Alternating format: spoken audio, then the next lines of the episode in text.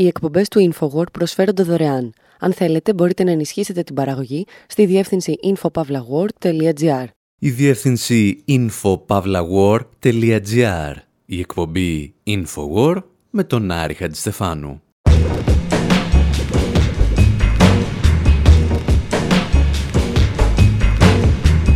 Όπου σήμερα υποστηρίζουμε ότι αφού όλοι έχουν άποψη για το ποια βιβλία και ποιες ταινίες πρέπει να απαγορευτούν στα σχολεία, εμείς θέλουμε να απαγορεύσουμε τη διδασκαλία της παλαιάς και της καινής διαθήκης. Παρατηρούμε ότι τα συγκεκριμένα βιβλία περιγράφουν σκηνές πορνογραφίας και μαστροπίας, αυνανισμού και κτηνοβασίας που ίσως να μην θέλουμε να διαβάσουν τα παιδιά μας.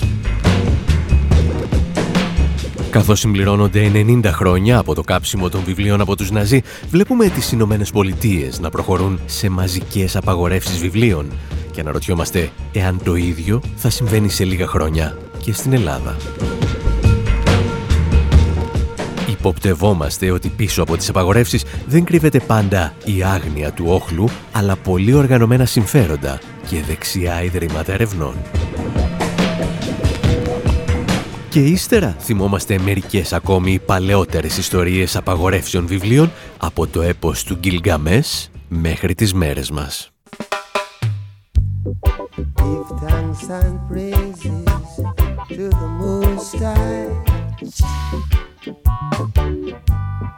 Give thanks and praises so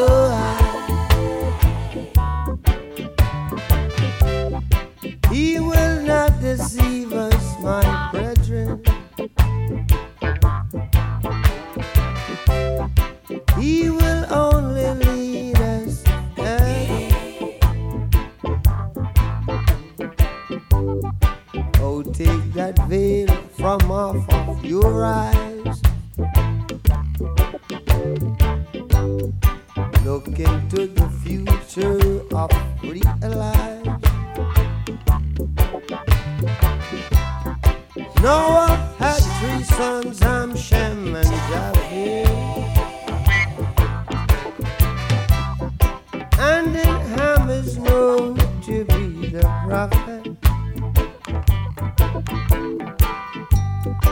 Glory to Jah, the prophet is come.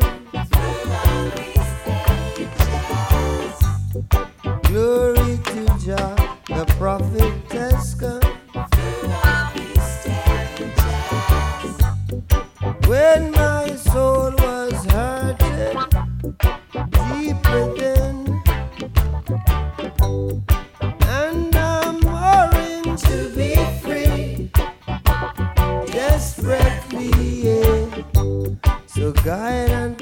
Ο Bob Marley τραγουδά για τα τρία παιδιά του Νόε, τον Σιμ, τον Χαμ και τον Ιάφεθ.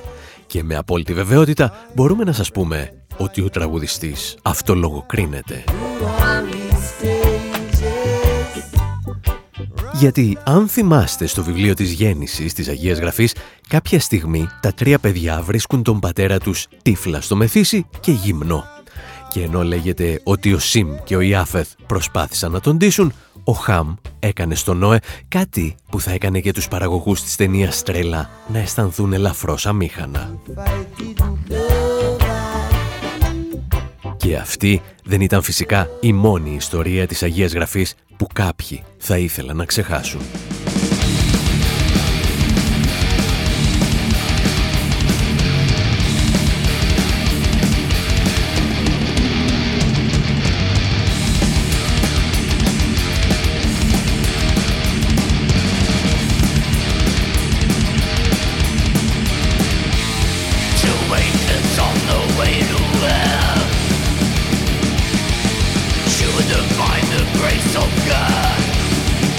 Αν είχατε την υπομονή και την αντοχή να ακούσετε αυτό το τραγούδι των Sodom, θα συνειδητοποιούσατε ότι αναφέρεται μεταξύ άλλων στον Λότ, τον ανιψιό του Αβραάμ, ο οποίος έμεινε στην ιστορία για την προσπάθεια να καταστρέψει τα Σόδομα και τα Γόμορα.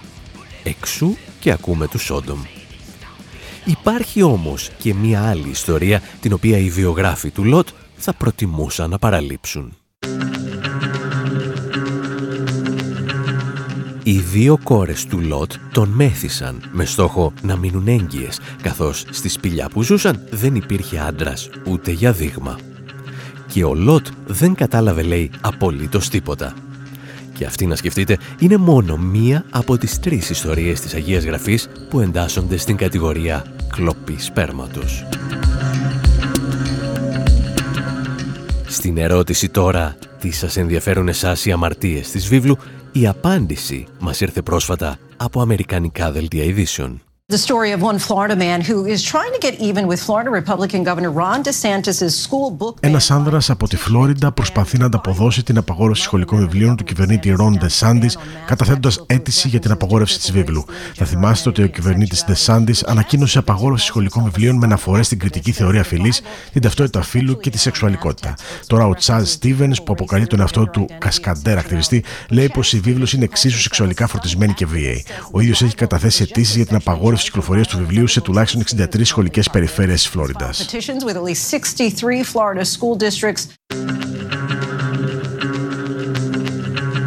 Στην ερώτηση των δημοσιογράφων τι μεμπτό μπορεί να βρει κανείς στην Αγία Γραφή, ο Τζας Στίβεν απαντά «Ανοίξτε σε μια τυχαία σελίδα και θα καταλάβετε». There are hundreds and hundreds of complaints, smashing babies against the rocks. Υπάρχουν εκατοντάδες σημεία για να παραπονεθεί κανείς. Χτυπάνε βρέφη σε βράχους, πληρώνουν ένα πατέρα για να βιάσουν την κόρη του, μιλάνε για μοιχεία, ακτινοβασία, κανιβαλισμό.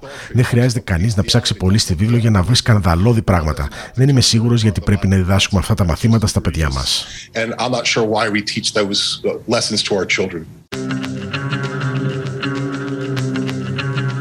Παρεμπιπτόντως, αυτή δεν είναι η πρώτη φορά που τα κείμενα της Αγίας Γραφής προδίδουν τους πιστούς χριστιανούς.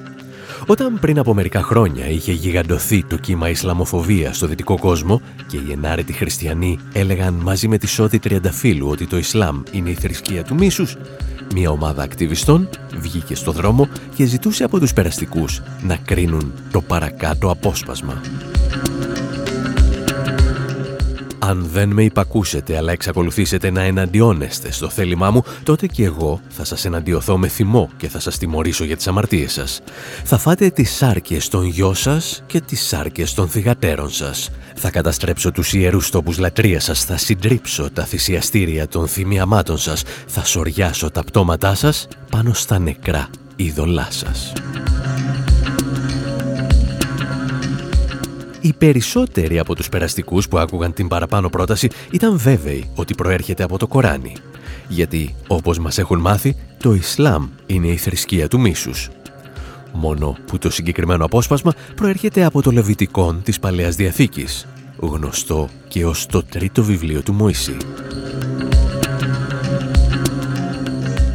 Εμείς πάλι ξεκινήσαμε όλη αυτή την κουβέντα για να μιλήσουμε για απαγορεύσεις βιβλίων στις Ηνωμένες Πολιτείες, που ως ο Νούπο θα έρθουν και στην Ελλάδα. Και θα μιλήσουμε γι' αυτά ύστερα από ένα μικρό διάλειμμα.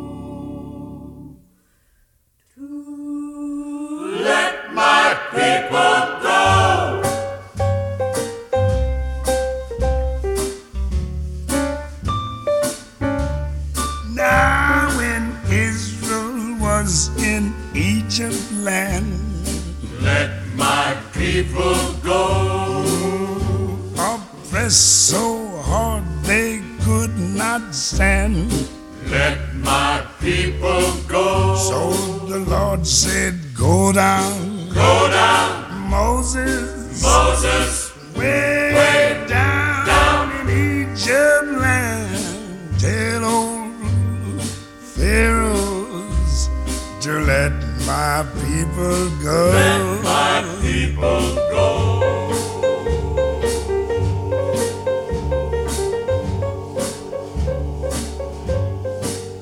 So Moses went to Egypt land. Let my people go. He made old Pharaoh understand. The Lord said, Go down. Go down. Moses. Moses. Way,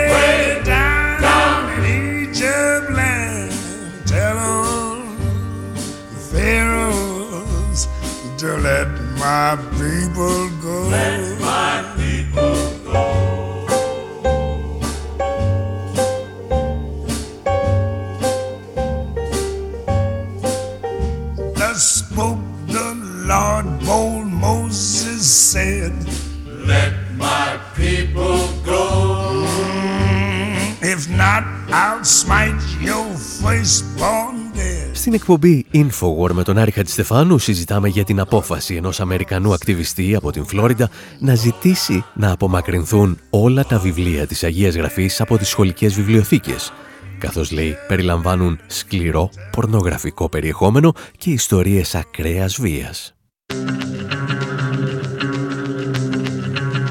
Προφανώς, όπως ακούσαμε, αυτό που ενδιέφερε τον Τζαζ Στίβεν δεν ήταν να απαγορευτεί η κυκλοφορία της Αγίας Γραφής, αλλά ο ίδιος να στείλει ένα μήνυμα στους Ρεπουμπλικάνους και συγκεκριμένα στον κυβερνήτη Ρον Τεσάντης.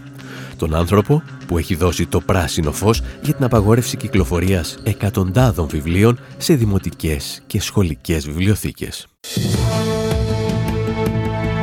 A Florida school district has pulled 176 books from its libraries to comply with the new state. Μια σχολική περιφέρεια της Φλόριντα απέσυρε 176 βιβλία από τις βιβλιοθήκες της ύστερα από τη σχολική μεταρρύθμιση που πρόθεσε ο κυβερνήτης Ρον Ντεσάντης. Ένα από τα τελευταία βιβλία που αποσύρθηκαν αφορούσε τη ζωή του θρύλου του baseball Ρομπέρτο Κλεμέντε. Και αυτό γιατί σε μια παράγραφο του βιβλίου ανέφερε ότι στι ΗΠΑ βίωσε το ρατσισμό εναντίον του.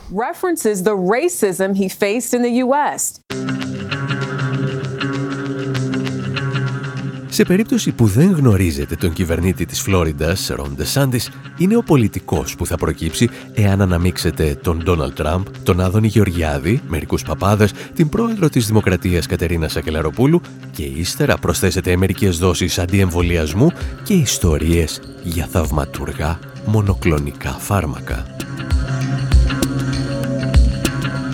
Το πρόβλημα είναι ότι αυτό το πολιτικό τερατούργημα έχει εκατομμύρια μιμητές στις Ηνωμένες Πολιτείες. Και έτσι, όλο και περισσότεροι πολίτες και αξιωματούχοι ζητούν την απαγόρευση κυκλοφορίας βιβλίων όπου αναφέρονται στο ρατσισμό, στην περίοδο της δουλείας και στα δικαιώματα της ΛΟΑΤΚΙ κοινότητας. We continue this morning with the uptick in book bans playing out in public schools across this country. According to PEN America, from July of 2021... Συνεχίζουμε το πρόγραμμά μας με τη ραγδαία αύξηση της απαγόρευσης βιβλίων σε δημόσια σχολεία σε όλη τη χώρα. Σύμφωνα με την οργάνωση PEN America, που ασχολείται με ζητήματα ελευθερίας του λόγου, από τον Ιούλιο του 2021 μέχρι τον Μάρτιο του 2022 κατατέθηκαν περίπου 1.600 αιτήσεις για την απαγόρευση βιβλίων. Οι αιτήσεις αυτές είχαν ως αποτέλεσμα να απαγορευτούν περίπου 1.100 βιβλία. Τα βιβλία αυτά είτε απομακρύνουν γίνονται ολοκληρωτικά από τις βιβλιοθήκες ή γίνεται ιδιαίτερα δύσκολο να πάρεις άδεια να τα διαβάσεις. Η Ένωση Αμερικανικών Βιβλιοθηκών αναφέρει ότι οι προσφυγές συνήθως αφορούν βιβλία που αναφέρονται στις δυσκολίες που αντιμετωπίζουν άνθρωποι που είναι gay, queer ή transsexual. Επίσης, βιβλία που διηγούνται ιστορίες ανθρώπων που είναι μαύροι, ηθαγενείς ή άτομα διαφορετικού χρώματος.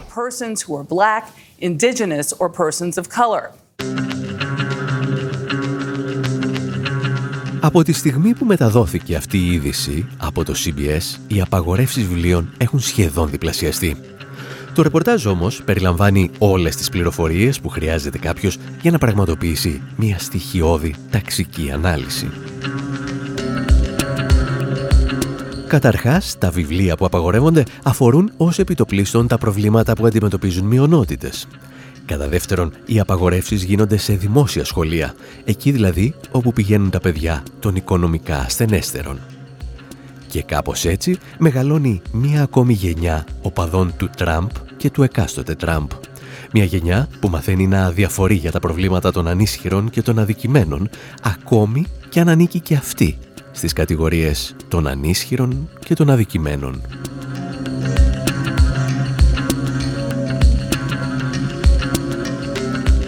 Το ερώτημα που μένει λοιπόν να απαντηθεί είναι ποιοι βρίσκονται πίσω από αυτές τις μαζικές απαγορεύσεις βιβλίων.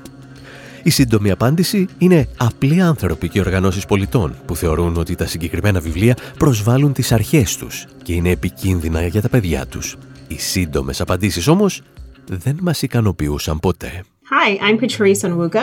Hi, I'm Patty Hidalgo Menders. Hi, I'm Marguerite Bowling, and I'm going to be reading some published children's books today. Το απόσπασμα που ακούτε προέρχεται από ένα βίντεο του Ιδρύματος Heritage Foundation. Υποτίθεται ότι τυχαία επιλεγμένες μαμάδες διαβάζουν ένα βιβλίο για διεμφυλικά παιδιά και καταλήγουν αηδιασμένες. I think these books are harmful to children because it's not reality. A child does not know best. Because if that were the case, they would eat ice cream every day for dinner. Όπως ακούτε, ένα από τα βασικά επιχειρήματα είναι ότι τα παιδιά δεν ξέρουν αν θέλουν να είναι αγόρια ή κορίτσια. Γιατί αν τα αφήναμε να παίρνουν μόνα τους τέτοιες αποφάσεις, θα ήθελαν να τρώνε και μόνο παγωτό και καθόλου από το φαγητό τους. Και αν αυτή η επιχειρηματολογία σας θυμίζει ένα παλιό ανέκδοτο με το ενιδρίο, είναι γιατί καταλαβαίνετε πόσο ρηχή είναι η σκέψη αυτών των ανθρώπων. Το Heritage Foundation όμως, που προωθεί αυτά τα βίντεο, είναι ελαφρώς μεγαλύτερου βάθους. Some of you may remember that when the Heritage 10 Drive was inaugurated a few years ago, I had the privilege of coming over and saying a few words το Heritage Foundation ταυτίστηκε όσο κανένα άλλο ίδρυμα με την προεδρία του Ρόναλντ Ρίγκαν, την εποχή δηλαδή που η Αμερική πραγματοποιούσε την πιο βαθιά νεοφιλελεύθερη και αντιδραστική στροφή της. Έκτοτε αποτελεί ίσως το σημαντικότερο think tank στις Ηνωμένες Πολιτείες και ανάμεσα στις πολλές δραστηριότητές του είναι να στηρίζει οργανώσεις που παρουσιάζονται σαν αυτόνομες πρωτοβουλίες πολιτών, αλλά στην πραγματικότητα εντάσσονται σε ευρύτερα δίκτυα πολιτικών μορφωμάτων της δεξιάς και της άκρας δεξιάς. Και η τελευταία ενασχόληση αυτών των δικτύων είναι να καταθέτουν προσφυγές, ώστε να απαγορεύεται η κυκλοφορία βιβλίων.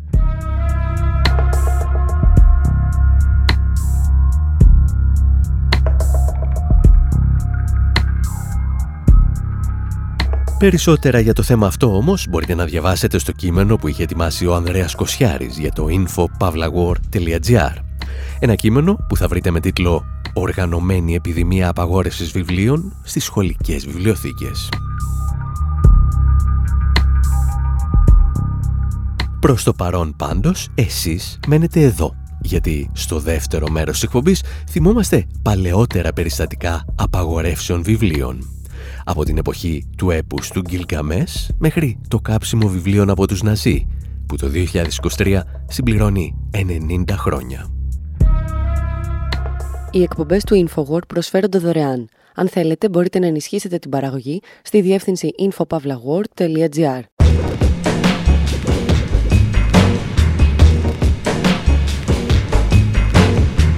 όπου σήμερα αφιερώνουμε μερικά τραγούδια και ασύνδετες σκέψεις περί λογοκρισίας. Μπερδεύουμε στην ιστορία μας το έπος του Γκυλγκαμές με μια ταβερνιάρισα. Σκεφτόμαστε τι δουλειά μπορεί να έχουν οι R.E.M. με το γερουσιαστή Μακάρθη και αν το κάψιμο βιβλίων είναι το επόμενο βήμα του μηντιακού μας πολιτισμού.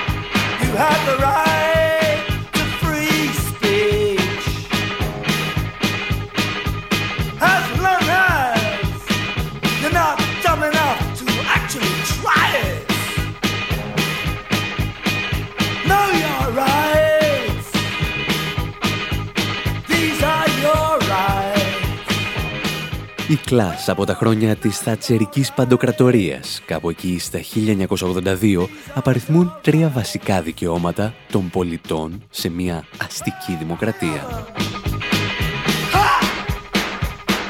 Πρώτον, να μην σε σκοτώνουν, εκτός βέβαια αν σε σκοτώσει αστυνομικός.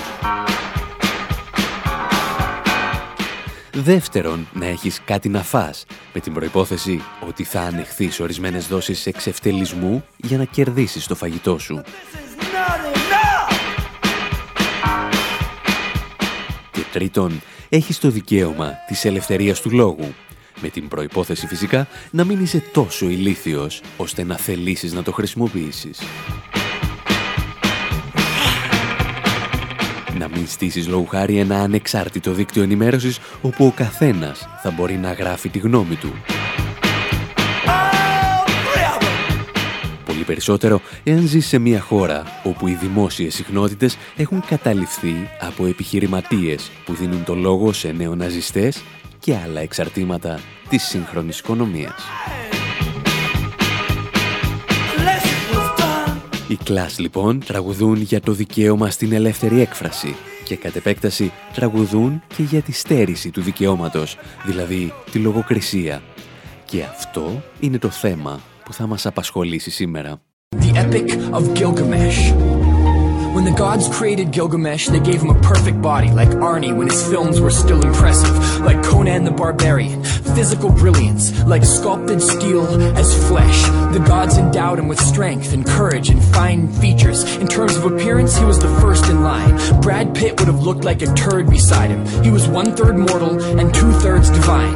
And as an aside, I guess the Sumerians, when this poem was written, were not aware of chromosome division or Mendelian genetics. Ο κύριος που ακούτε είναι ο ράπερ Baba Brinkman, ο οποίος αποφάσισε να διηγηθεί σε ρυθμούς hip-hop το έπος του Gilgamesh, ή τουλάχιστον ό,τι συγκράτησε από δάφτο. Και ο λόγος για τον οποίο επιστρέφουμε στην αρχαία Μεσοποταμία είναι ότι εδώ πιστεύετε πως επιβλήθηκε η πρώτη μορφή λογοκρισίας στην ιστορία. Συγκεκριμένα οι λογοκριτές της εποχής λέγεται ότι θέλησαν να αφαιρέσουν από το έπος ένα τμήμα με τις συμβουλές που έδωσε η Συντουρή στον Γκυλγκαμές. Και αν δεν έχετε το έπος πολύ φρέσκο στη μνήμη σας, η Συντουρή ήταν μια ταβερνιάρισα που προσέγγισε τον Γκυλγκαμές ενώ αυτός αναζητούσε το μυστικό της αιωνιότητας. Μην σκάς, του είπε. Το νόημα είναι να περνάς καλά σε αυτή τη ζωή. Να είσαι ευτυχισμένος εσύ και η οικογένειά σου να χορεύεις και να ακούς μουσική μέρα και νύχτα. Μια συμβουλή που κάνει ακόμη και τις πιο προοδευτικές θρησκείες στον κόσμο να τρέμουν μπροστά στο ενδεχόμενο οι άνθρωποι να συνειδητοποιήσουν ότι η ζωή είναι εδώ και όχι σε κάποιο μακρινό παράδεισο. Στη λίστα πάντως με τα αρχαιότερα κρούσματα λογοκρισίας μετά την αρχαία Μεσοποταμία, οι περισσότεροι ιστορικοί στρέφουν το βλέμμα τους στην αρχαία Ελλάδα και συγκεκριμένα στην Αθήνα. Ο Σοκράτης παρουσιάζεται από αρκετούς ως ένα από τα πρώτα θύματα λογοκρισίας, όπου η απαγόρευση έκφρασης μιας συγκεκριμένης άποψης επιβάλλεται με το κόνιο.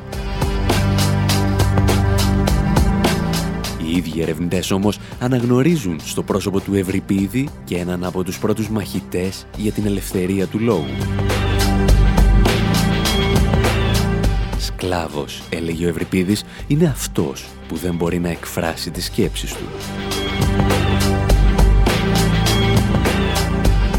Η λογοκρισία και η φήμωση των ανεξάρτητων φωνών, λοιπόν, είναι μια μορφή δουλείας.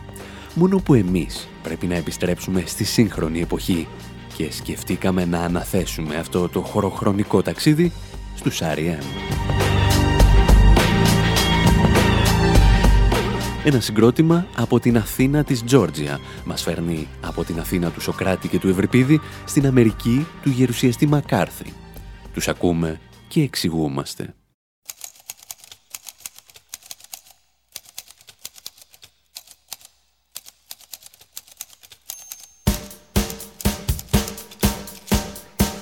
You're beautiful,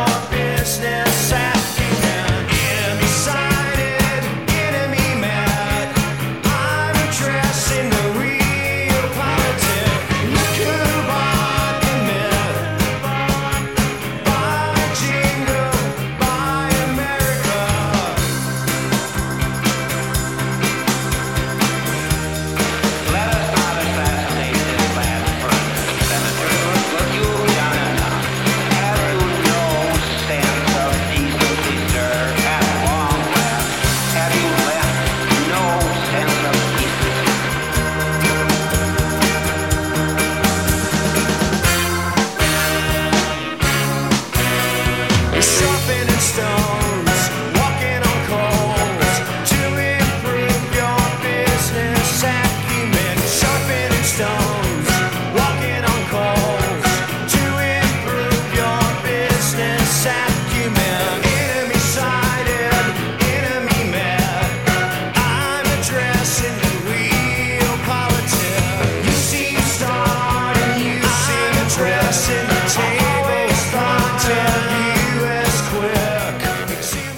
Εκπομπή Infowar με τον Άρη Χατζηστεφάνου σας έχουμε αφήσει να ακούτε τους R.E.M. στο Exhumin McCarthy, ξεθάβοντας το πτώμα του McCarthy.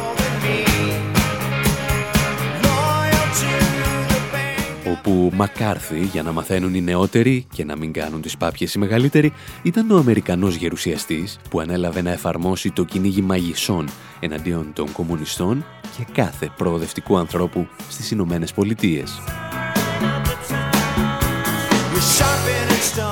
Κάτι δηλαδή σαν την ομάδα αλήθειας, αλλά με στοιχειώδη ευφυΐα.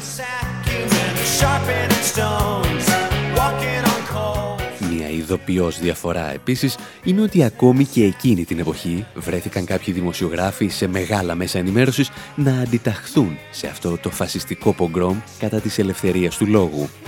Δημοσιογράφοι όπως ο Έντουαρτ Μάρο του CBS το γνωρίσατε από την ταινία του Κλούνεϊ «Καληνύχτα και καλή τύχη». Εμείς σας τον φέρνουμε στην πρωτότυπη έκδοση. We must not confuse dissent with disloyalty. We must remember always δεν πρέπει να συγχαίουμε τη διαφωνία με την απιστία. Πρέπει να θυμόμαστε ότι η κατηγορία δεν αποτελεί απόδειξη και πως η καταδίκη προκύπτει από νόμιμες διαδικασίες. Δεν θα προχωρήσουμε με φόβο ένας για τον άλλο. Δεν θα αφήσουμε το φόβο να μας οδηγήσει στην εποχή του παραλογισμού. Αρκεί να ψάξουμε βαθιά στην ιστορία μας και θα διαπιστώσουμε ότι δεν καταγόμαστε από φοβισμένου ανθρώπους. Ούτε από ανθρώπους που φοβούνται να γράψουν, να μιλήσουν και να συνελθούν ή να υποστηρίξουν θέσεις που κάποια στιγμή δεν ήταν δημοφιλείς. Μπορούμε να αρνηθούμε την ιστορία μας, αλλά δεν μπορούμε να απαρνηθούμε τις ευθύνες μας για τα αποτέλεσμα. Ο πολίτης μιας δημοκρατίας δεν μπορεί να απαρνηθεί τις υποχρεώσεις του. Ο Κάσιος είχε δίκιο. Το λάθος, αγαπητέ Βρούτε, δεν είναι γραμμένο στα αστέρια. Είναι μέσα μας. Καληνύχτα και καλή τύχη. Cassius was right. The fault, dear Brutus, is not in our stars, but in ourselves. Good night and good luck.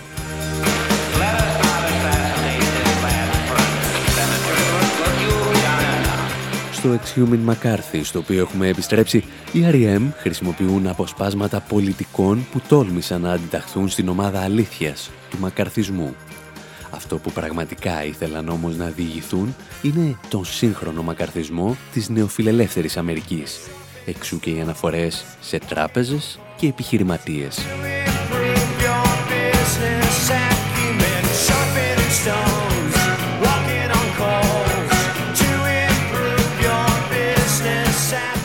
Τέλος του τραγουδιού όμως παραμένει ένα δερμή κατηγορό στην έννοια της λογοκρισίας.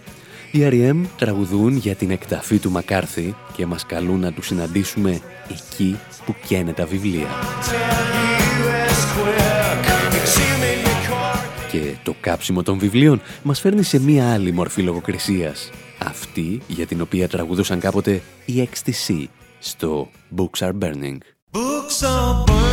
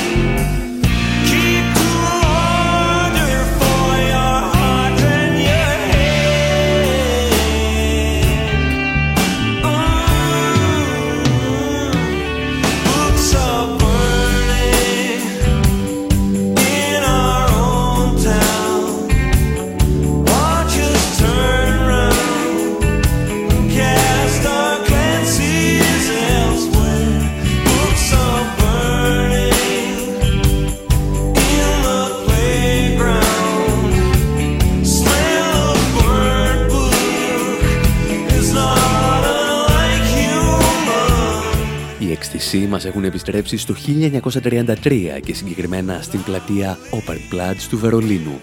Εκεί όπου η ναζιστική νεολαία έκαψε 25.000 βιβλία ακούγοντας τον Τζόζεφ Γκέμπελς να μιλά για την καθαρότητα της φυλής και της γλώσσας. Και όπως τραγουδούν οι έκστηση, όταν αρχίζουν να καίνε βιβλία, στη συνέχεια έρχεται η σειρά των ανθρώπων Αυτό που δεν μας λένε οι εξτησοί είναι ότι πριν ξεκινήσει το κάψιμο των βιβλίων από τους Ναζί, κάποιοι είχαν φροντίσει να τους εξασφαλίσουν πλούσιο χώρο και χρόνο στα μέσα ενημέρωσης της εποχής. Συγκεκριμένα η Ένωση Γερμανών Σπουδαστών, στην οποία τότε κυριαρχούσαν οι εθνικοσοσιαλιστές, ανέλαβε να προωθεί τις ναζιστικές θέσεις σε εφημερίδες και ραδιοφωνικούς σταθμούς του Βερολίνου.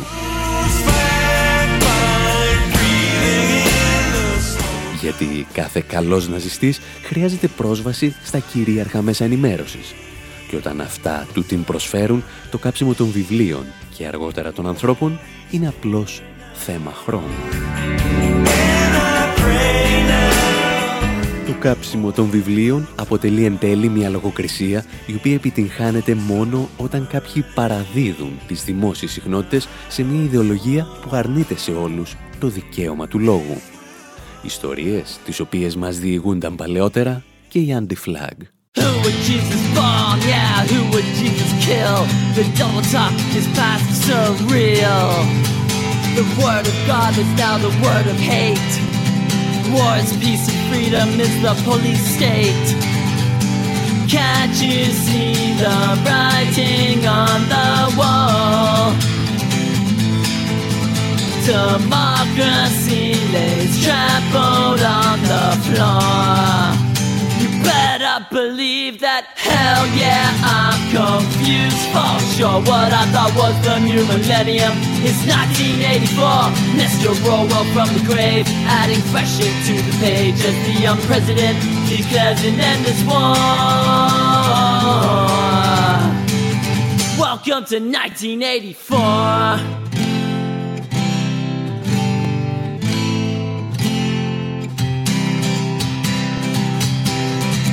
Feels like Nazi Germany and Hitler on TV as the young president spews homophobic speech. Didn't the Allies fight a war to end extremist fascist laws? So tell me now what are the fuck we fighting for? I just cannot take it anymore. Democracy lays trampled on the floor. Man, isn't freedom great? Hell yeah. Οι Anti-Flag τραγουδούσαν για το 1984 της εποχής μας.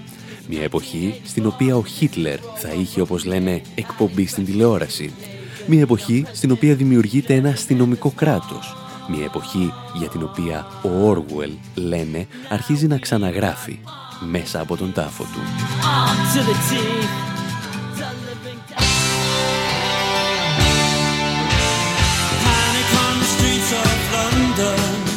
Εμείς πάλι λέμε να σας αφήσουμε και για αυτή την εβδομάδα.